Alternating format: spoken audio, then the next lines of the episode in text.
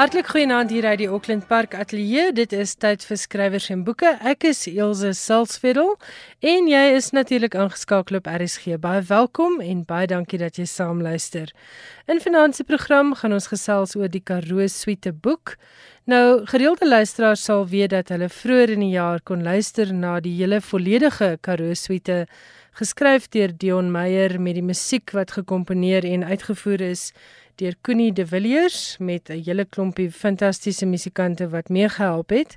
En nou is daar 'n boek, so ons gaan nou-nou 'n bietjie gesels met Connie en ons gaan weer na stukkies van hierdie wonderlike musiek luister. Maar eers hartlik geluk aan Harry Kamer. Hy is 'n ou bekende hier by skrywers en boeke en hy is ook die enigste Afrikaanse skrywer in die top 5 inskrywings vir die glansryke City Press Tafelberg nuwe fiksie toekenning. Daar was meer as 120 inskrywings vanjaar en daar is 'n prys van 120 000 rand op die spel om die wenskrywer te help om sy manuskrip te ontwikkel. Baie geluk Harry en lekker werk aan Requiem for a Joller. Harry se boek is gebaseer op die persoonlike argief van Marius Skoon, 'n anti-apartheid aktivis van die 1960s. Die ander finaliste is Lesedi Molefe, Tyron August, Nandipwa Ganshu en Sarah Black. Harry Kamer by geluk en ons hou vir jou duim vas. Dan het die Engelse vertaling van Jaco Jacobs se tienerroman 'n goeie dag vir boomklim pas weer 'n bekroning internasionaal losgeslaan. Die Engelse vertaling daarvan, A Good Day for Climbing Trees, is vroeër vanjaar wêreldwyd versprei en die vertaalregte daarvan is ook al aan die Italianers verkoop. Jaco het pas gehoor dat hy bekroon is met die Carnegie medalje. Dit is 'n medalje wat al sedert 1936 jaarliks deur die Chartered Institute of Library and Information Professionals toegeken word. Vorige wenners sluit wêreldbekende skrywers in so C.S. Lewis, Neil Gaiman, Terry Pratchett, Sharon Creech en Philip Pullman. Dit is 'n wonderlike toekenning hierdie Jaco Jacobs baie baie geluk daarmee. En onthou as jou tiener nog nie 'n goeie dag vir boomklim gelees het nie, maak gerus 'n plan. Die boek word uitgegee deur Lapa Uitgewers en vertel die verhaal van Marnus, 'n gefrustreerde middelkind wat om 1 Desember vakansie laat ompraat om saam met 'n meisie in 'n boom te klim om te probeer keer dat die plaaslike owerhede die boom afsaag. 'n Lekker boek wat ook bekroon is met die Kyknet rapportprys se filmprys. Dit was een van die wenners in die internasionale Other Words vertaalprojek en die filmregte om die boek in Afrikaans te vervilm is ook al opgeraap. Baie geluk Jaco Jacobs en Harry Kamer en dankie dat julle Afrikaanse skrywers se naam plaaslik en internasionaal hoog hou. Koenie is vanaand hier by my in die ateljee om te gesels oor 'n boek wat voortgespruit het uit hierdie pragtige musiekproduksie wat ook op die verhoog te sien was. Goeienaand Koenie en baie welkom hier by Skrywers en Boeke. Vertel vir ons van julle boek. Dis wonderlik om te kan sê daar's 'n boek, jy weet, ons het nou die Karoo Suite die die musiekproduksie geloods by die KAK&K by kans 2 jaar gelede. En dit het verskriklik goed gedoen. Uh, Dion Meyer het die pragtige teks geskryf, ek het die musiek geskryf en ons werk met wonderlike musikante saam. Uh, jy daar geluister na Jaconel met ton op klawerborde, David Klassen op perkussie, Maurits Lots op gitare en die produksie het baie baie beter gewerk as wat ons ooit in ons wildste drome gedink het. So dit verkoop uit en toe uh, die Atterbury Trust gekom en gesê hulle dink dit sal 'n pragtige boek maak En toe het ons eers gedink hulle maak 'n grap. En ehm um, toe het ons inderdaad die boek gemaak en hulle het dit befonds en ek en Dion het ons regte daarop opgehef en elke sent van die opbrengs gaan aan onderwyshulp aan kinders in die Karoo. Is dit nie lekker nie? Dis inderdaad 'n wonderlike projek. Ons het vroeër vanjaar die volledige Karoo suite hier in skrywers en boeke se tydgleef gespeel. Maar terwille van luisteraars wat dit vanaand vir die eerste keer hoor, vertel so 'n bietjie meer oor die ontstaan van die musiekproduksie. Daar's 'n wonderlike storie wat agter dit lê. Ek en Dion Meyer ken mekaar donkies jare. En uh ek het toe gedink hy is so vaardige skrywer. En jy weet as jy kan skryf, kan jy skryf. Ek sê toe vir hom Dion, ons is albei lief vir die Karoo. Ek het 'n huisie daar, hy het 'n huis daar. En ek sê toe vir hom, kom ons skryf 'n ode, 'n liefdesbrief aan die Karoo Uh jy skryf die teks en ek skryf die musiek en hopelik kom mense daarna luister en ek stel voor ons baseer dit op uh Vivaldi se vier seisoene. Nee knap sê Dion, hy sê eers nee man, ek kan net spanningstories skryf. Ek sê nonsens, as jy kan skryf, kan jy skryf. En hy kom toe terug na my toe. Hy sê hy brand vas in om 'n baie goeie rede. Hy sê die Karoo het net twee seisoene. Dis of vrek warm of vrek koud. Daar's niks tussenin nie. Daar's nie vier seisoene nee, nie. Nee, daar's nie vier seisoene nie. Dalk in een dag, maar nie in 'n jaar nie. Korrek. Maar sê hy, daar's ontelbare stories. En hy stuur toe vir my. Dit is die mooiste, mooiste stories wat bundelbaar is. Mm. En is alles waar. Elke enkele letter is waar. En ons het uh, uiteindelik het bestaan dit uit 6 hoofstukke of verhale wat Dion vertel. Hy kom op die verhoog en hy sit daar, hy het mos 'n pragtige stem. En dan vertel hy die storie en dan speel ons musiek. Dis nou radio so jy laas mens kan nie vir mense wys nie. Maar dit word ook toegelig deur Dion se ongelooflike mooi fotografie wat projeksies is tydens die vertoning. So jy kyk na die Karoo fotos en dan luister jy na die stories. En Koenie, as ek net gou-gou hier vir jou in die rede kan val, ons het van die fotos wat jy gestuur het op ons webwerf gelaai, so luisteraars kan net gaan loer op www.rsg.co.za. Maar terug na die boek, as 'n mens so luister na jou gesels, dan is hierdie 'n projek wat vir jou en Dion baie na die hart lê. Ons is verskriklik trots daarop. Mense kan dit nie sien nie, maar hy lê nou hier by ons in die ateljee Ilse en dis 'n nommer 1 dis 'n beperkte oplaag. Daar's net 1000 uh, eksemplare. Elkeen is geteken deur my en Dion Meyer en genommer. Daar sal nie verdere boeke daarvan wees nie. En dis 'n pragtige dik swaar koffietafelboek wat in 'n boks uh, gehuisves word apart met 'n stofjas En in agter in die boek is daar so 'n klein koevertjie en daarin is daar 'n CD van die klankopname van Karoo Suite en dis nou juis 'n stukkie wat mense vroeër in die program gehoor het. So dis werklik 'n wonderlike geskenk. Um en en die die lekkerte is jy weet as jy dit koop of jy bestel dit, weet jy dat elke enkele sent wat jy spandeer daaraan help kinders met belofte wat nie verdere onderwys uh geleenthede in die Karoo het nie. Maar ek wil nou terugkom na die boek en die fotos want ek het hmm. nie geweet Dion is so talentvol dat hy sulke nee, mooi fotos kan neem nie. Hoe het jy dit ontdek? Ek en soos ek sê ek en Dion ken mekaar baie goed en as ons by hulle in die Karoo gekuier het, dan het Dion altyd sy fotos gewys en hy sê ene ou maat maar dit is daarom verskriklik mooi. Dit is regtig mm. fotos wat jou wat jou na jou asem laat snak. En dan sê nee, hy doen dit sommer so vir die lekkerte. Hy het mos jare so met die motorfiets die agterpaaie gery. En hy sê hy ry altyd met sy kamera by hom en dis die waarheid. En toe het ons die idee gehad om die fotografie en die ons skryftalent en verteltalent en voorleestalent by te roer by die Karoo Suite verhoogproduksie. En jy het die musiek geskryf. Ek het die musiek geskryf en dit was 'n heerlike ervaring gewees, jy weet, want die teks is so mooi. Jy kan onmiddellik die die bui, die tonaliteit, die kleur van die storie aanvoel en dan moet jy nou maar net, jy weet, musiek byroer en dit werk nogal goed. Ek moet sê, dit help natuurlik om met fantastiese musikante ook te kan saamspeel. Mm -hmm. En vir hierdie boek het jy ook gaan strofes aanhaal uit al jou ou gunsteling liedjies oor die Karoo. Ja, so jy is daar... jou liefde vir die Karoo loop diep. Hy kom diep. Ek het Karoo nag geskryf, die lied toe ek 17 jaar oud was en 'n koor audisie gedop het. Dis ek die middag uh, diep onder die indruk van hoe ek gefaal het huis toe. 17 jaar oud met puisies en 'n kleermaatjie. En jy en skryf Karona. Ek het daai middag het ek Karona geskryf op 17. En dit het eers wanneer opgeneem? Die eerste opname daarvan was 1982. So hy het vir 11 jaar gelê in Brooi. En ek het nou toe as jy die boek blaai, het jy vir my gewys hier so 'n stukkie en daar's 'n stukkie. Wat se ander karolietjies het jy nog geskryf? Daar's baie, o, daar's kring om die maan, daar's Karona. Ehm um, en dan sal verwysings na na na die Karoon van en ander en ja, ander ja. goeters. En nou kan mense met ander woorde, hulle kan die volle ervaring hê. Hulle kan die CD luister wat agter in die boek is terwyl hulle deur die boek blaai en hulle verkneukel in uh Dion se fotos. Maar gaan julle hierdie hele produksie, die Karoo Suite na nog feeste toe neem?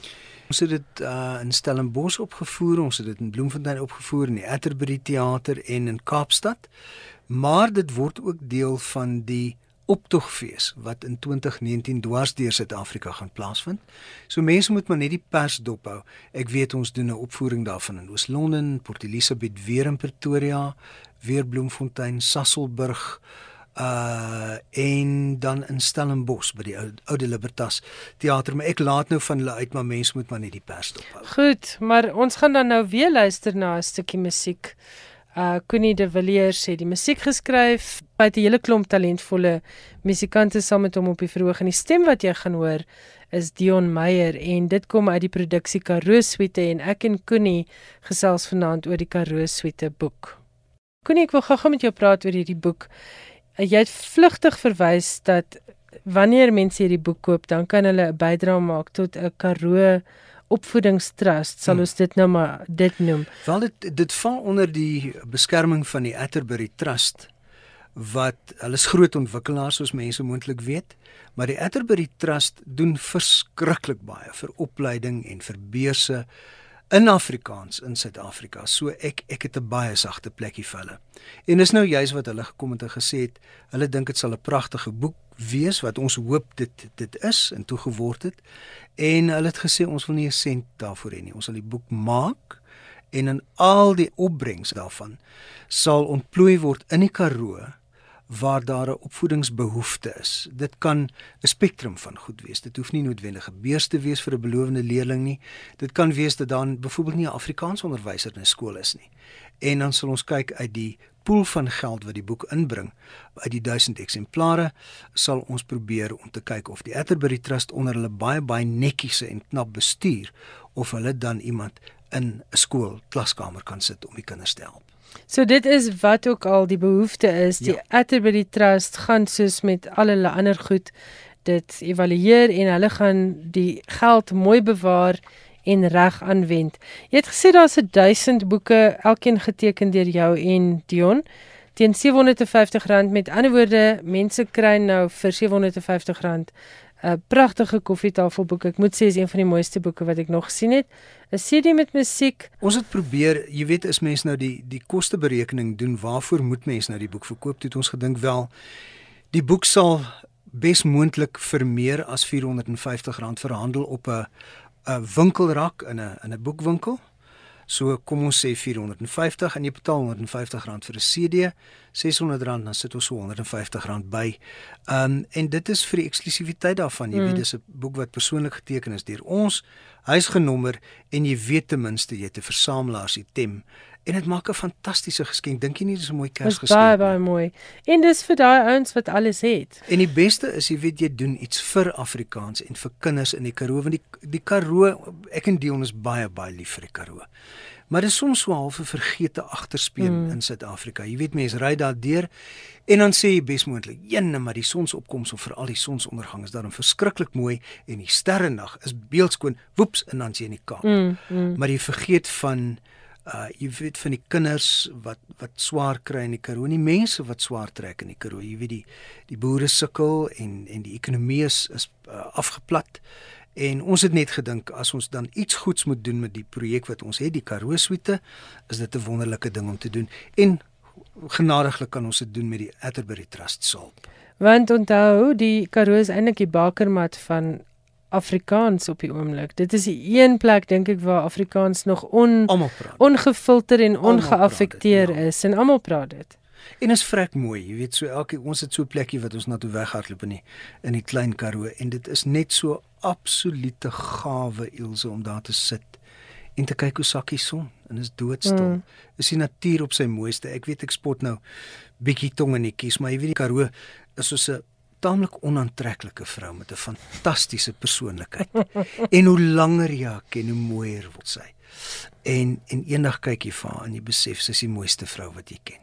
Nou ja, daardie gevleelde woorde kom uit die mond van Connie de Villiers. Connie, waar kan mense Karoo Suite die boek bestel? Gaan na die Atterbury Trust webwerf toe. Daar is 'n skakel, jy kan net klik op hom vul in jou besonderhede en hulle sal seker maak dat jy die boek kry. Al die besonderhede is daar waar jy die geld moet deponeer en uh dis die Atterbury Trust webwerf. Klik op die Karoo Suite boek. Uh daar's 'n lekker hot button wat sê goeie Afrikaans daarvoor. 'n Warm knoppie. 'n Warm knoppie. Klink heeltemal reg nie, maar nie te min mense sal vir hom kry. En hy's daar, jy kan hom sien. en ek hoop ek hoop hulle geniet dit. Soos ek sê, meer as die helfte van die boeke is al verkoop.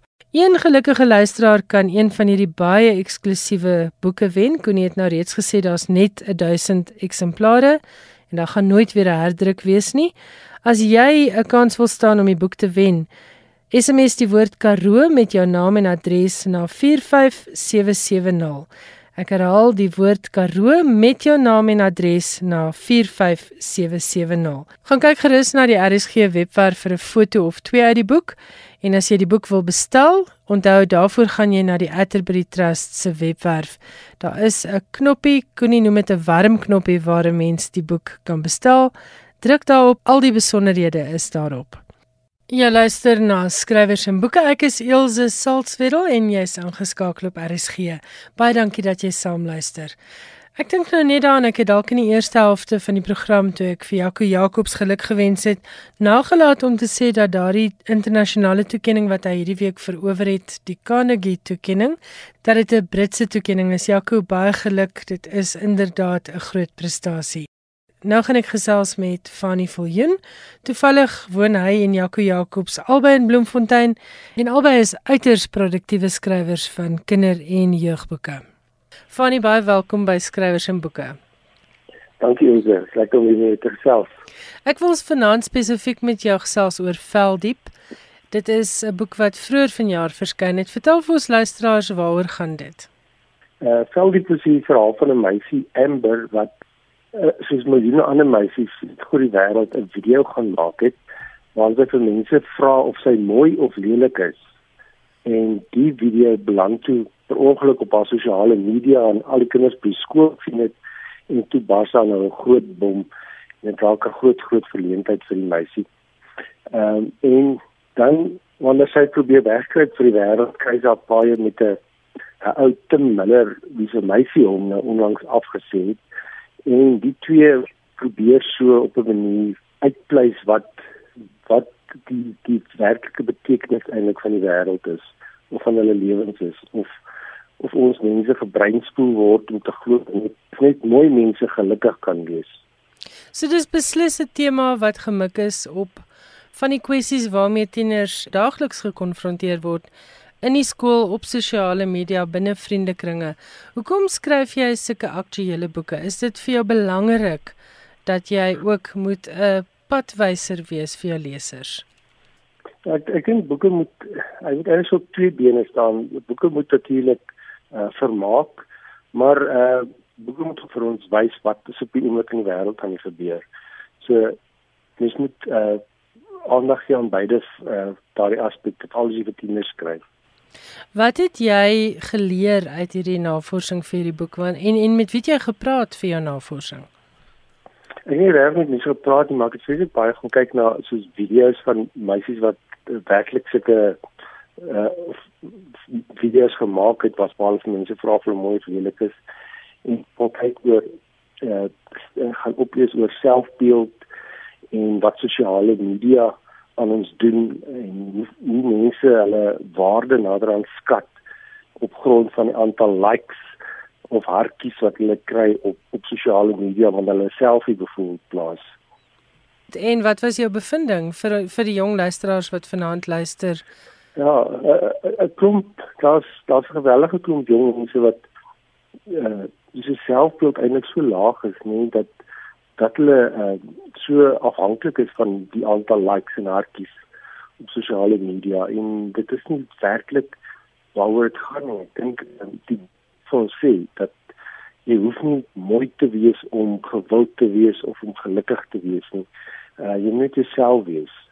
Elkeen van ons het 'n unieke bydrae wat ons in die wêreld kan lewer. Fanny, hierdie boek is nou ons noem dit 'n jeugboek, maar het jy dit vir 'n spesifieke ouderdomsgroep ge geskryf? En dink jy daar's 'n ouderdomsgroep by wie dit meer aanklank gaan vind as by ander? Ehm um, ja, hy's dis geskryf vir vir, vir tieners, vir jong mense en sal ehm um, dink jong lesers van so 13 en ouer sal dit geniet.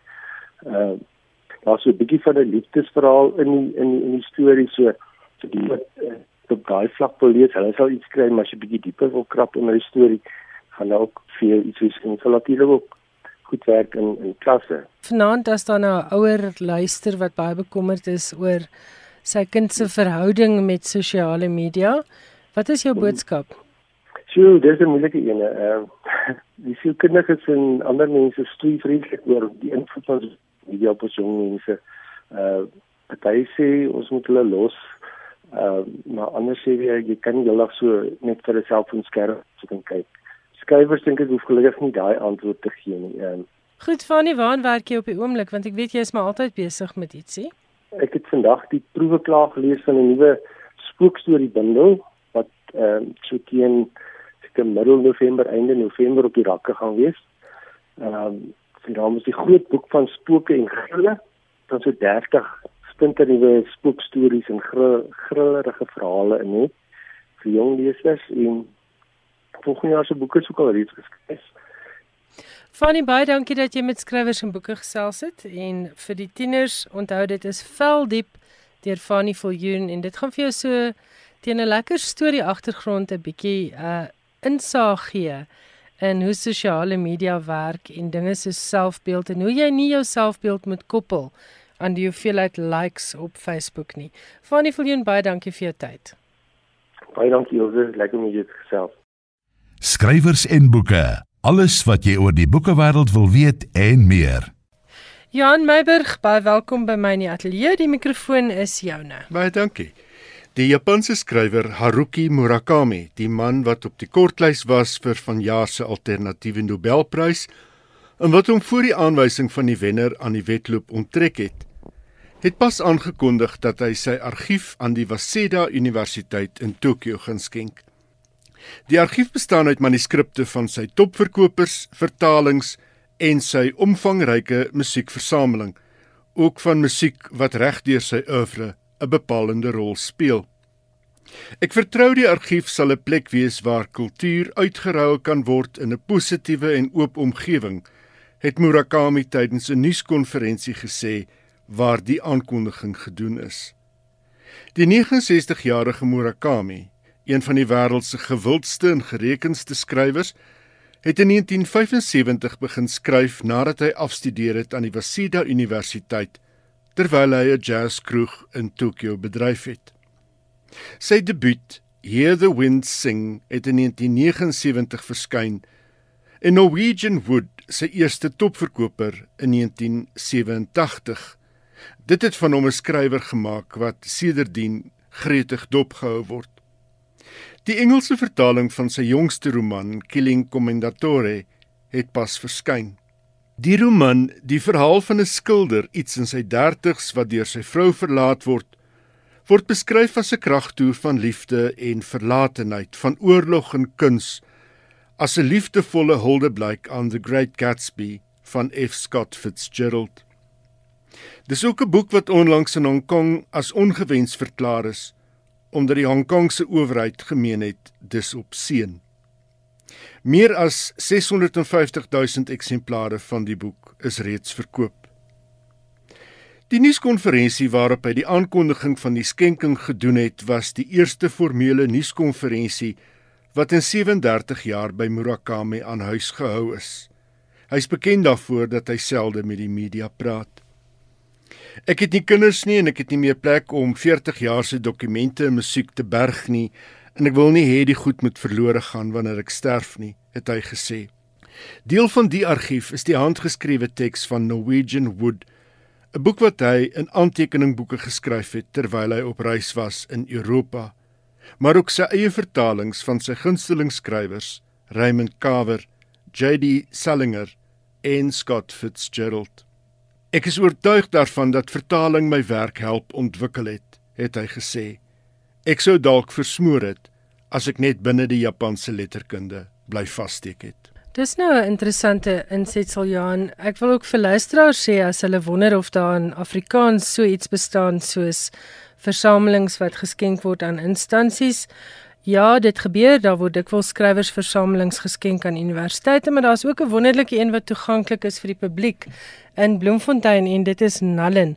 Gaan maak gerus 'n draai as jy ooit weer in Bloemfontein kom. Ek en Johan was Junie maand daar om tydens die Vrystaatse Kunstefees 'n lesing by te woon en dis nogal indrukwekkend, né, Johan? Dis 'n indrukwekkende plek, ja.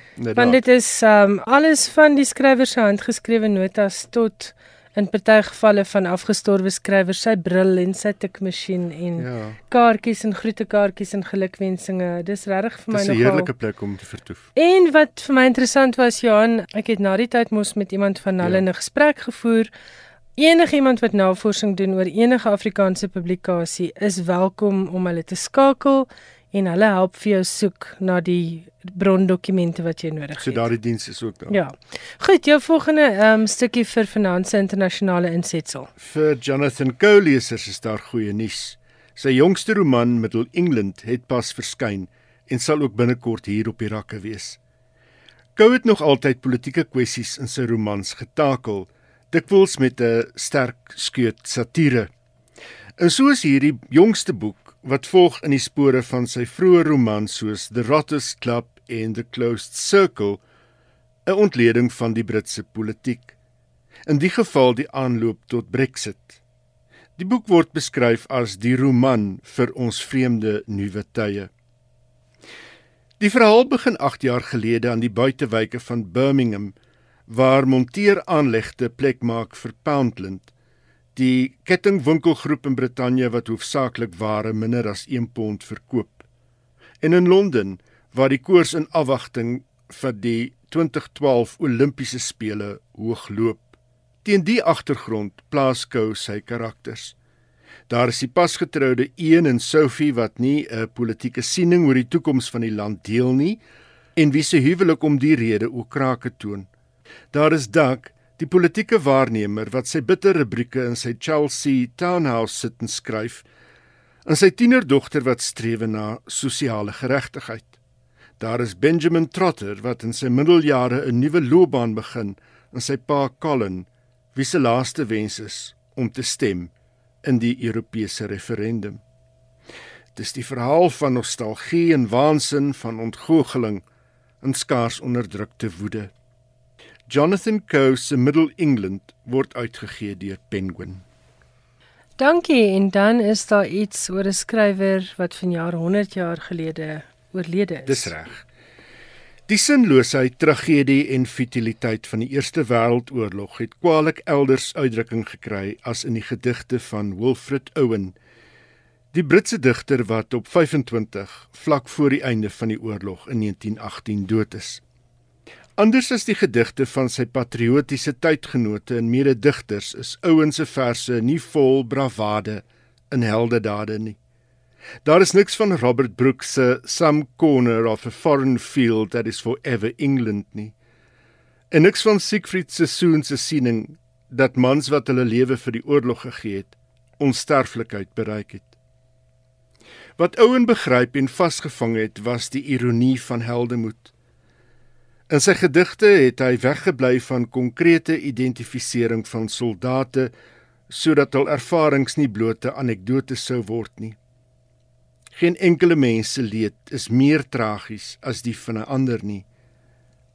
As 'n voorwoord vir sy bundel verse wat in 1920, 2 jaar na sy dood gepubliseer is as Poems, het Owen die woorde geskryf: This book is not about heroes English poetry is not yet fit to speak of them, nor is it about deeds or lands, nor anything about glory, honor, might, majesty, dominion, or power, except war. Above all, I'm not concerned with poetry. My subject is war and the pity of war. The poetry is in the pity.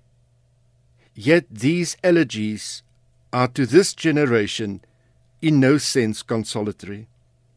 They may be to the next. All a poet can do today is warn.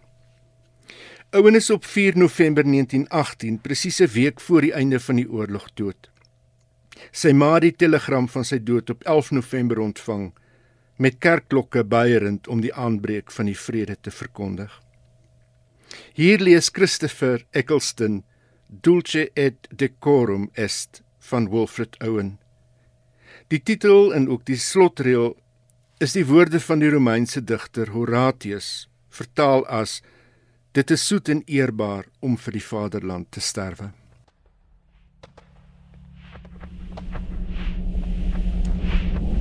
Bent double, like old beggars under sacks.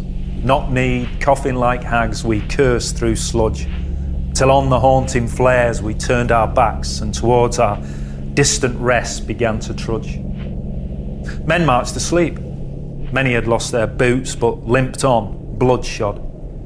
All went lame, all blind, drunk with fatigue, deaf even to the hoots of disappointed shells that dropped behind. Gas! Gas! Quick, boys! An ecstasy of fumbling, fitting the clumsy helmets just in time. But someone still was yelling out and stumbling and floundering like a man in fire or lime. Dim through the misty panes and thick green light, as under a green sea, I saw him drowning.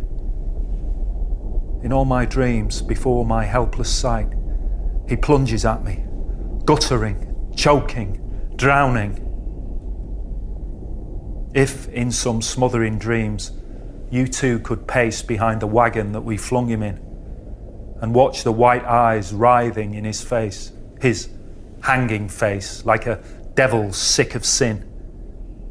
If you could hear at every jolt the blood come gargling from the froth corrupted lungs, obscene as cancer, bitter as the cud of vile, incurable sores on innocent tongues, my friend, you would not tell with such high zest to children, ardent for some desperate glory, the old lie. Dulce et decorum est, pro patria mori. Dit was die stem van Christopher Eccleston en hy het 'n gedig voorgeles van Wilfred Owen wat van dese week 'n 100 jaar gelede gesterf het. Jan baie dankie vir jou interessante insetsel elke week. Ons is nou nie volgende Woensdag aand op die lug met skrywers en boeke nie, want dan is dit tyd vir RSG Skatkus, maar ons gesels oor 2 weke weer. Dan praat ons. Dit was Finansies Skrywers en Boeke. Baie dankie dat jy saam geluister het. Volgende week is daar nie Skrywers en Boeke nie, maar dan kan jy jou verlustig in die wonderlikhede van die Skatkis Kunstefees hier op RSG. Ek en Johan Meiburg is oor 2 weke terug met nog geskrywers en boeke. Tot dan, geniet die res van jou week.